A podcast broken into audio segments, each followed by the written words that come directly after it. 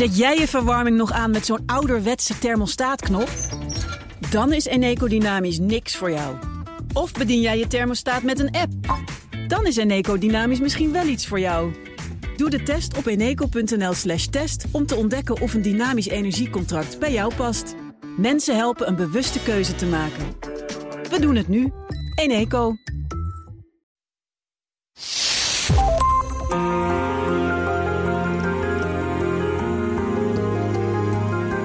Je luistert naar De Stratege, een podcast van BNR in samenwerking met het Den Haag Centrum voor Strategische Studies. Mijn naam is Paul van Liemt. De Russen en de Oekraïners zijn nog steeds verwikkeld in een hevige strijd en beide zijn nog niet bereid om op te geven. Wat is er het afgelopen jaar gebeurd? En wordt de strijdbijl dit jaar nog begraven? Dat besprak ik vorige week met Peter Weininga, defensiespecialist van het Den Haag Centrum voor Strategische Studies, en Frans Ozinga, hoogleraar oorlogsstudies aan de Universiteit Leiden.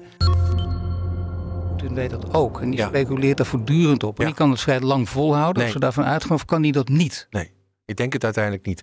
Hij heeft natuurlijk, hij had enorme voorraden, enorme financiële reserves, maar dat is hij echt aan het opverbruiken. En wat van de week ook heel duidelijk is geworden, is dat zijn oorlogsproductie eh, kan het verbruik aan het front absoluut niet bijbenen. Dat gaat maar mondjesmaat. Dat moet versneld worden. Er worden allerlei dreigementen geuit. Als je niet eh, de productie tien keer versnelt, eh, dan eh, gaan we de fabrieken nationaliseren. Alleen het feit dat dat dreigement wordt gebruikt, geeft al aan dat het niet goed gaat. In Amerika heeft men inmiddels de zaak verdubbeld.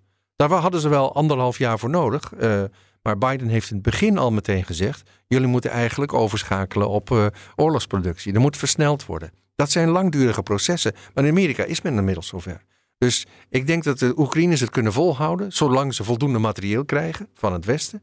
En lang- zolang ze zelf voldoende mensen hebben. En een van de grote eh, belangrijke eh, stappen die ze hebben gezet, direct na de, de, de invasie eigenlijk al, is het mobiliseren van 1 miljoen mensen. En die worden nu in lichtingen, zeg maar, door het Westen opge, opgeleid. Eh, dat kost ook veel tijd, maar ze komen uiteindelijk wel beschikbaar. En dat betekent dat Oekraïne het best wel een tijdje kan uithouden.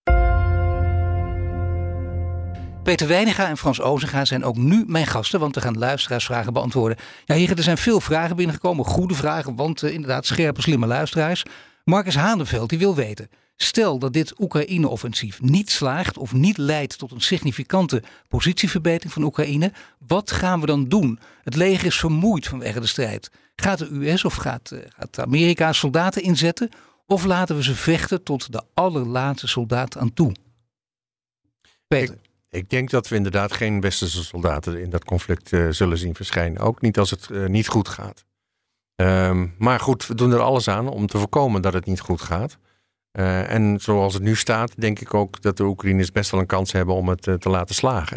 Het offensief eh, gaat langzamer dan ze hadden gehoopt.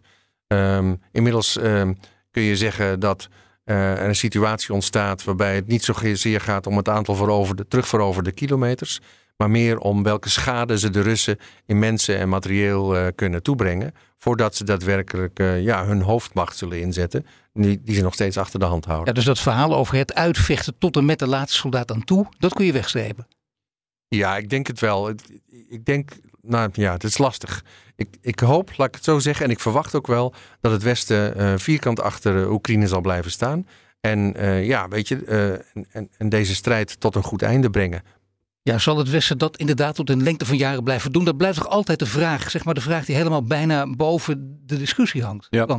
Je ziet dat eh, met name Oost-Europese eh, landen eh, de rest van Europa echt wel probeert te overtuigen dat er wat concretere veiligheidspolitieke afspraken en toezeggingen aan Oekraïne moet komen. Ehm, en als dat geen direct NAVO-lidmaatschap is, wat, ja, wat inderdaad eh, niet echt eh, waarschijnlijk is, dan zal het toch eh, tot uiting moeten komen in andere concrete afspraken en toezeggingen. Dat gaat niet zover dat we inderdaad Europese militairen aan het front zullen zien. Maar je kunt je voorstellen dat eh, een aantal landen, iemand heeft voorgesteld, het Joint European Defense Initiative, dat verschillende grote landen met kleine Europese landen inderdaad een coalitie vormen en dat die structureel Oekraïne gaan helpen. Trainingsfaciliteiten gaan opbouwen, logistieke faciliteiten gaan opbouwen. eh, orders gaan plaatsen ten behoeve, bij de militaire industrie ten behoeve van de Oekraïne. Dat is een substantiële groep landen. Substantiële Ja. groep landen, zodat dat is als een interim stapje richting uiteindelijk lidmaatschap van de NAVO. Het probleem wat daarbij is namelijk, is dat ehm, de NAVO zegt, heeft afgelopen tientallen jaren gezegd, luister, we gaan geen nieuw lid geen land lid laten worden als daar een actief conflict aan de gang is. Daarmee geef je natuurlijk eigenlijk Rusland wel een vetorecht, een vetostem over het toekomstig lidmaatschap van, van Oekraïne. Want zolang Rusland dus blijft vechten, zal Oekraïne nooit lid worden van de NAVO en blijft Oekraïne altijd het eh, risico lopen als ze verder zullen worden aangevallen uh, als Rusland zich weer herbewapend heeft. Ja, dus je zult inderdaad naar dit soort oplossingen moeten gaan kijken. Anders geef je Rusland een heel mooi argument in de hand inderdaad om door te gaan. Ja, eh, dat is inderdaad zo. Kijk, het is al zo dat de Europese Unie stappen heeft gezet. Hè, met name die gezamenlijke wapenaankopen, die lopen al. dat gaat rechtstreeks worden geleverd aan Oekraïne. Daardoor mis je ook wat tussenpartijen, laat ik het zo maar zeggen. Kan het dus sneller worden geleverd. Dat is al één uh, stap van dat initiatief. Ik denk dat dat verder zal worden uitgebreid. En inderdaad zijn het de Oost-Europese landen, ook de Noord-Europese landen, denk aan Finland, die bij dit soort initiatieven voorop lopen en de rest meeslepen. En ik denk dat dat goed is. Ja. Um, Frans. Een wildcard hier is, um, in herinnering roepend, als Zelensky zei in het begin van deze oorlog vorig jaar. Ik wil graag voor jullie een no-fly zone krijgen.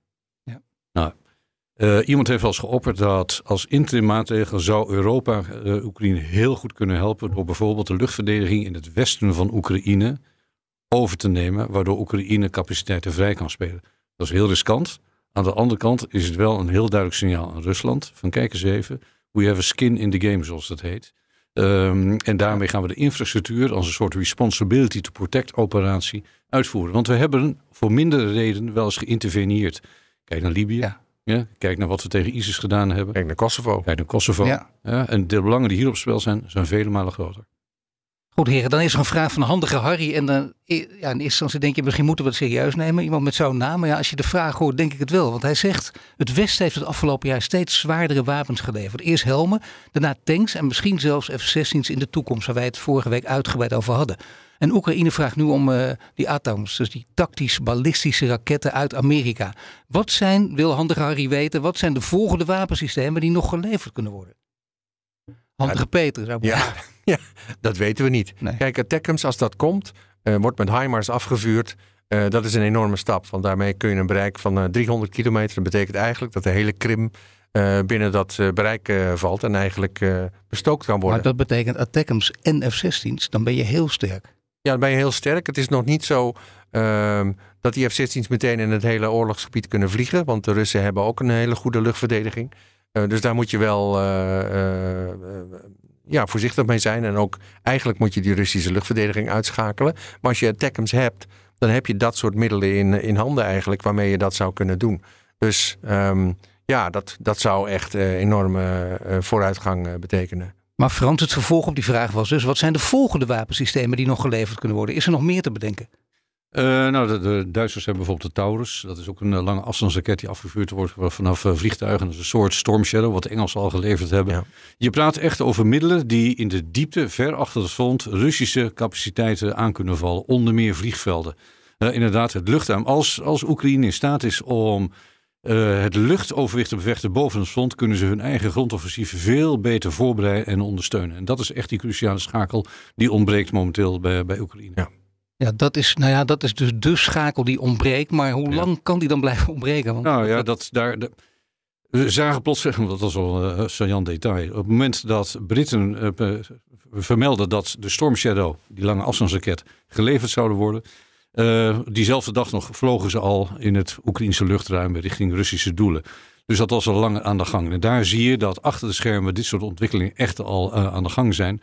Um, maar aan de andere kant zit hier natuurlijk ook gevoelige militaire technologie achter. Die, je wil niet dat die in handen komt van Rusland. Tenzij je Oekraïne heel duidelijk goed traint en ook opleidt in wat de beste tactieken daarvoor zijn. Ja, en, dat, opleiden, dat, is, dat zien we ook bij de F-16. Dat gaat en kan heel lang duren. Dat moet ook heel lang duren. Dat kan niet anders. Maar kijk eens even naar hoe snel ze hebben leren omgaan met de HIMARS. Maar ook met de Patriot missiles. Ja. dat is dat kwestie van weken geweest. Exact. Dat hebben ze heel wonderbaarlijk snel trouwens. Nou ja, weet je, het kan wel. Ik bedoel, je kunt in zo'n syllabus. Ik heb zelf ook de Patriot opleiding gedaan. Je kunt in zo'n syllabus best bochten afsnijden. Daar zitten risico's aan. Maar goed, in vredestijd ben je niet bereid die risico's te accepteren. Dus dan ga je die syllabus van bladzijde 1 tot en met uh, 1000 bij wijze van spreken door. Dat heb je gedaan ook. Ja, maar nee, in, in, in oorlogstijd waren geen duizend bladzijden, maar wel veel. maar in, eh, in, uh, in oorlogstijd denk je gewoon uh, anders over je risicoacceptatie. Dat ligt hoger in feite. Dus dat betekent dat je eh, inderdaad een verkorte opleiding kan doen. En de rest is het eh, doing by learning. In de, in de, ja, tijdens de inzet. Ja, met alle risico's van die, maar dat gaat Ja. gebeuren. En, daar, en, en dat zeg, het moreel is zo hoog dat iedereen dat wil doet Ja. en wil. Precies. Plak, die heeft een, een andere vraag. Die zegt, heeft Rusland nog wel genoeg reserves om die bij eventueel succes in te kunnen zetten? Worden de Russische reserves groter of blijven ze gelijk de komende tijd? Nou, Rusland, als de berichten kloppen, die we afgelopen week ook weer gehoord hebben van de Britse eh, chef van de defensiestaf. Rusland, eh, Rusland ver- verliest per dag ergens tussen de 500 en 1500 mensen. Gewond, vermist, gedood. Dat zijn attritiecijfers die kun je niet volhouden. Rusland eh, aan de andere kant kan wel elk half jaar ongeveer 130.000 man proberen onder de wapenen te roepen. Of dat ook lukt is een tweede. In hoeverre je ook daadwerkelijk kunt trainen en opleiden en kunt voorzien van wapens. Ja, en kwantiteit hebben de Russen natuurlijk wel een geschiedenis. Kwantiteit hebben ze, maar de, of je kunt voorzien van modern materieel. Vandaag zag ik ook weer berichten eh, dat er treinen vol met eh, T5 T55 tanks uit de mottenballen werden gehaald. Ja. Ja. dat zijn tanks die modern waren in de jaren 50. Ja. Eh, dus wel degelijk heeft Rusland hier een probleem. Alleen ze hebben, zijn wel bereid heel veel schade te incasseren en heel veel mensen op, op, te, op te offeren. We praten over criminele lichtzinnigheid waarmee ze met mensenlevens eh, omgaan. Waanzinnig cynisme is het en dat niet. Nou ja, dan vallen die grote woorden dus ook van een, terreurstaat. Eh, correct, en dat had ook mee te maken. die, die term werd ook gebruikt toen Rusland begon met eh, die beschietingen op de elektriciteitscentrales eh, in, in Oekraïne, door heel Oekraïne heen, de- waarbij 30% van de missiles eh, op bur- gewoon burgerobjecten terechtkwamen. Wa- En wat, wat moet je nog meer doen om, om te aarzelen om, om zo'n land dan een terreurstaat te doen? Nou, inderdaad. Dat, dat is gebeurd. Zelfs Amerika overweegt dat nu. De Europese Unie heeft inderdaad Rusland verklaard tot ter- terreurstaat. Eh, en daarmee, en dat is het saillante detail natuurlijk, heeft Rusland eigenlijk een contraproductief effect bereikt. Ze wilden juist Oekraïne, maar ook Europa, een koude winter insturen. In plaats daarvan zie je dat zowel Scholz, de Stoltenberg van de NAVO en de Europese Unie collectief zeggen Ja. van luister, eh, wij, wij gaan net zo lang door met de steun van Oekraïne als nodig is. En Rusland verklaren wij tot eh, terreurstaat. Dus je zou bijna zeggen dat is, eh, dat is, dat is meer dan, een- dan een tactische vergissing geweest. Dit is een strategische vergissing, ja. echt een hele grote strategische vergissing. Exact. Ze hebben ook Ja. niet die intensiteit kunnen volhouden die je daarvoor nodig zou hebben. Je daadwerkelijk elektriciteitsnet net eh, plat te leggen. Elke twee weken hebben ze dat kunnen herhalen. Maar de intensiteit was gering. En 90% van die missiles werd bovendien neergehaald. En in die tussentijd is Oekraïne in staat geweest om die elektriciteitscentrales weer op te bouwen. En intussen exporteren ze weer elektriciteit naar Europa toe. Goed heren, dan komt er een vraag van weer iemand met een hele bijzondere naam, namelijk eh, Tuinman de Second. Ja, inderdaad Peter. En, en, maar serieus moeten wij blijven hier natuurlijk, want het gaat over een serieus onderwerp. Tuinman de Second, maar ook weer een goede serieuze vraag. Moeten we het huidige offensief als een eerste offensief zien, waar later meerdere offensieven op zullen volgen? Dus waarin ze stap voor stap Oekraïne bevrijden. Ja, ik denk het wel. Ja. Ik denk het wel. Ik denk dat wat je nu Peter. ziet, op vier plaatsen langs het front, over een afstand in totaal van 600 kilometer, hebben ze vier eh, operaties gaande, laat ik het zo maar zeggen. Het zijn relatief kleine operaties. Daar zetten ze ook niet hun eh, hele strijdmacht voor in, die, eh, die negen brigades die ze hebben. En daar zijn ze redelijk succesvol in het veroveren van terrein. Dat gaat mondjesmaat. Maar ja, het, het meeste gaat ook gewoon lopend. Ehm, en er moet om elk bosje worden gevochten. Dat, zijn, dat, dat zie je ook wel aan de GoPro-filmpjes die Oekraïnse soldaten daar ma- daarvan maken.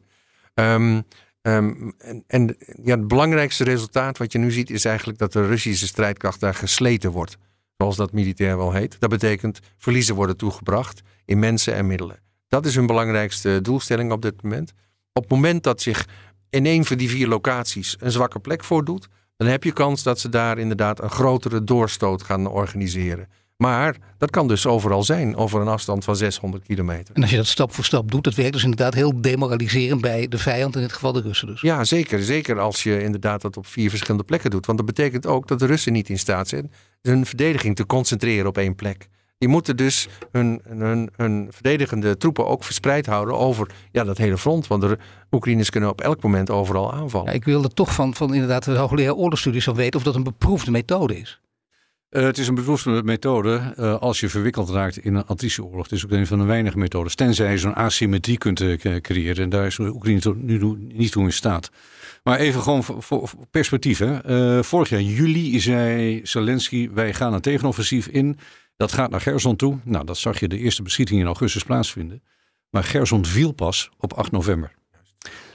Nog een ander perspectief. Oekraïne heeft afgelopen maand in het tegenoffensief uh, meer terrein gewonnen uh, dan, dan Rusland in de eerste twee, drie maanden van het winteroffensief. Dus in die zin zie je dat daar waar Oekraïne elke dag 500 meter tot een kilometer winst boekt, als je daarmee een paar maanden doorgaat, dat je wel degelijk een groot stuk terrein kan, kan overwinnen. Is dat, drijf je daar heel Rusland, alle Russische troepen uit de Oekraïnse grenzen? Nee. Maar wellicht kun je wel een wicht drijven door, tussen bijvoorbeeld de Russische eenheden in de Krim en de Russische eenheden in de Donbass. En daarmee een heel duidelijk politiek signaal geven. Kijk, wij zijn verwend. Hè? Wij, wij zijn gewend snelle resultaten te zien. Een goede luchtoorlog die het slagveld voorbereidt. Daarna racen de tanks naar binnen, bij wijze van spreken. En dan is het uh, kunstje zo geflikt. En als het niet werkt, dan massa's kritiek. Ja, precies. Kijk, dat is wat Oekraïne niet kan. Ze hebben te weinig luchtmacht om zo'n luchtcampagne te voeren. En dus is een enige middel, zeg maar, de strijd op de grond. En hun belangrijkste manoeuvrewapen daar is een tank. Um, ja, um, en dat, dat, betekent dat het langzaam gaat. En wij zien graag natuurlijk in het Westen dat er gesproken wordt over tientallen kilometers terreinwinst per dag. Um, maar ik denk dat de Oekraïners zich nu meer focussen op het slijten van de Russen. Dat betekent dus verliezen toebrengen aan mensen en middelen. Ja, en dat dus op een bewuste manier. En dat op een bewuste manier, ja. En, een, een, een, asymmetrie, een asymmetrie in attritiecijfers noemde het Instituut for the Study of War dat ja. uh, onlangs. Kijk, we moeten, daar waar Rusland 500 tot 1500 man verliest, moeten we ook beseffen dat Oekraïne waarschijnlijk op elke acht Russen ook een soldaat verliest. Ja.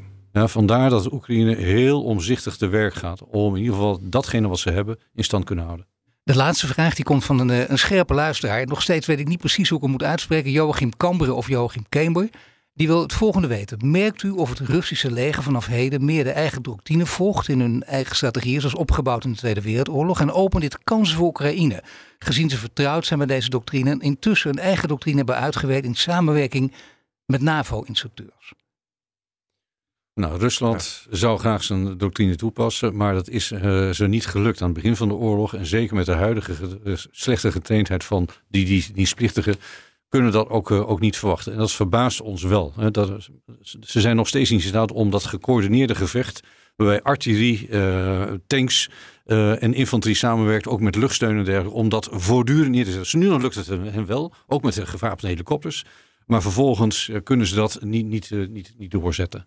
Nee, maar ja, toch inderdaad, uh, Peter. Je zou denken, kijk even, dat is een bekende doctrine. Dat weten de Oekraïners ook. En uh, we kunnen dat doorzien en daar hebben we enorm veel voordelen bij. Ja, en, en, eigenlijk is, hebben de Russen, nou zeker sinds het begin van de oorlog, voortdurend tegen hun eigen doctrine gezondigd. En, en wat we in de Tweede Wereldoorlog hebben gezien aan Russische uh, zeg maar doctrine en tactieken, dat zien we eigenlijk helemaal niet meer terug. Maar en dat is wel bijzonder. Wat het funeste is, dat Rusland nog steeds zijn eigen strategie toepast. Zijn eigen strategische cultuur van totale oorlogvoering. Uh, en dat verklaart de enorme schade die wordt toegebracht aan de infrastructuur en de, de maatschappij van Oekraïne. En ook een eigen verliezen. Goed heer, mag ik jullie danken. Peter Weininga, defensiespecialist van het Den Haag Centrum voor Strategische Studies. En Frans Ozinga, hoogleraar oorlogsstudies aan de Universiteit Leiden. En dit was de laatste aflevering van dit seizoen, maar niet getreurd, want in de zomer komen de beste afleveringen van de Stratege nog een keer voorbij. En wil je intussen meer afleveringen van de Stratege terugluisteren? Je vindt hem op Apple Podcasts en Spotify, maar ook in de BNR-app of op bnr.nl. Abonneer je meteen en tot de volgende keer.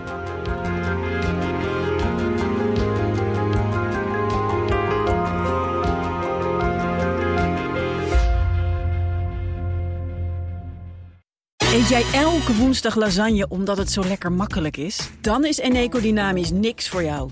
Maar kook jij het liefst elke keer wat anders met het risico dat ze zeggen... Ja dag, dat gaan we echt niet eten. Dan is Eneco Dynamisch misschien wel iets voor jou. Doe de test op eneco.nl slash test om te ontdekken of een dynamisch energiecontract bij jou past.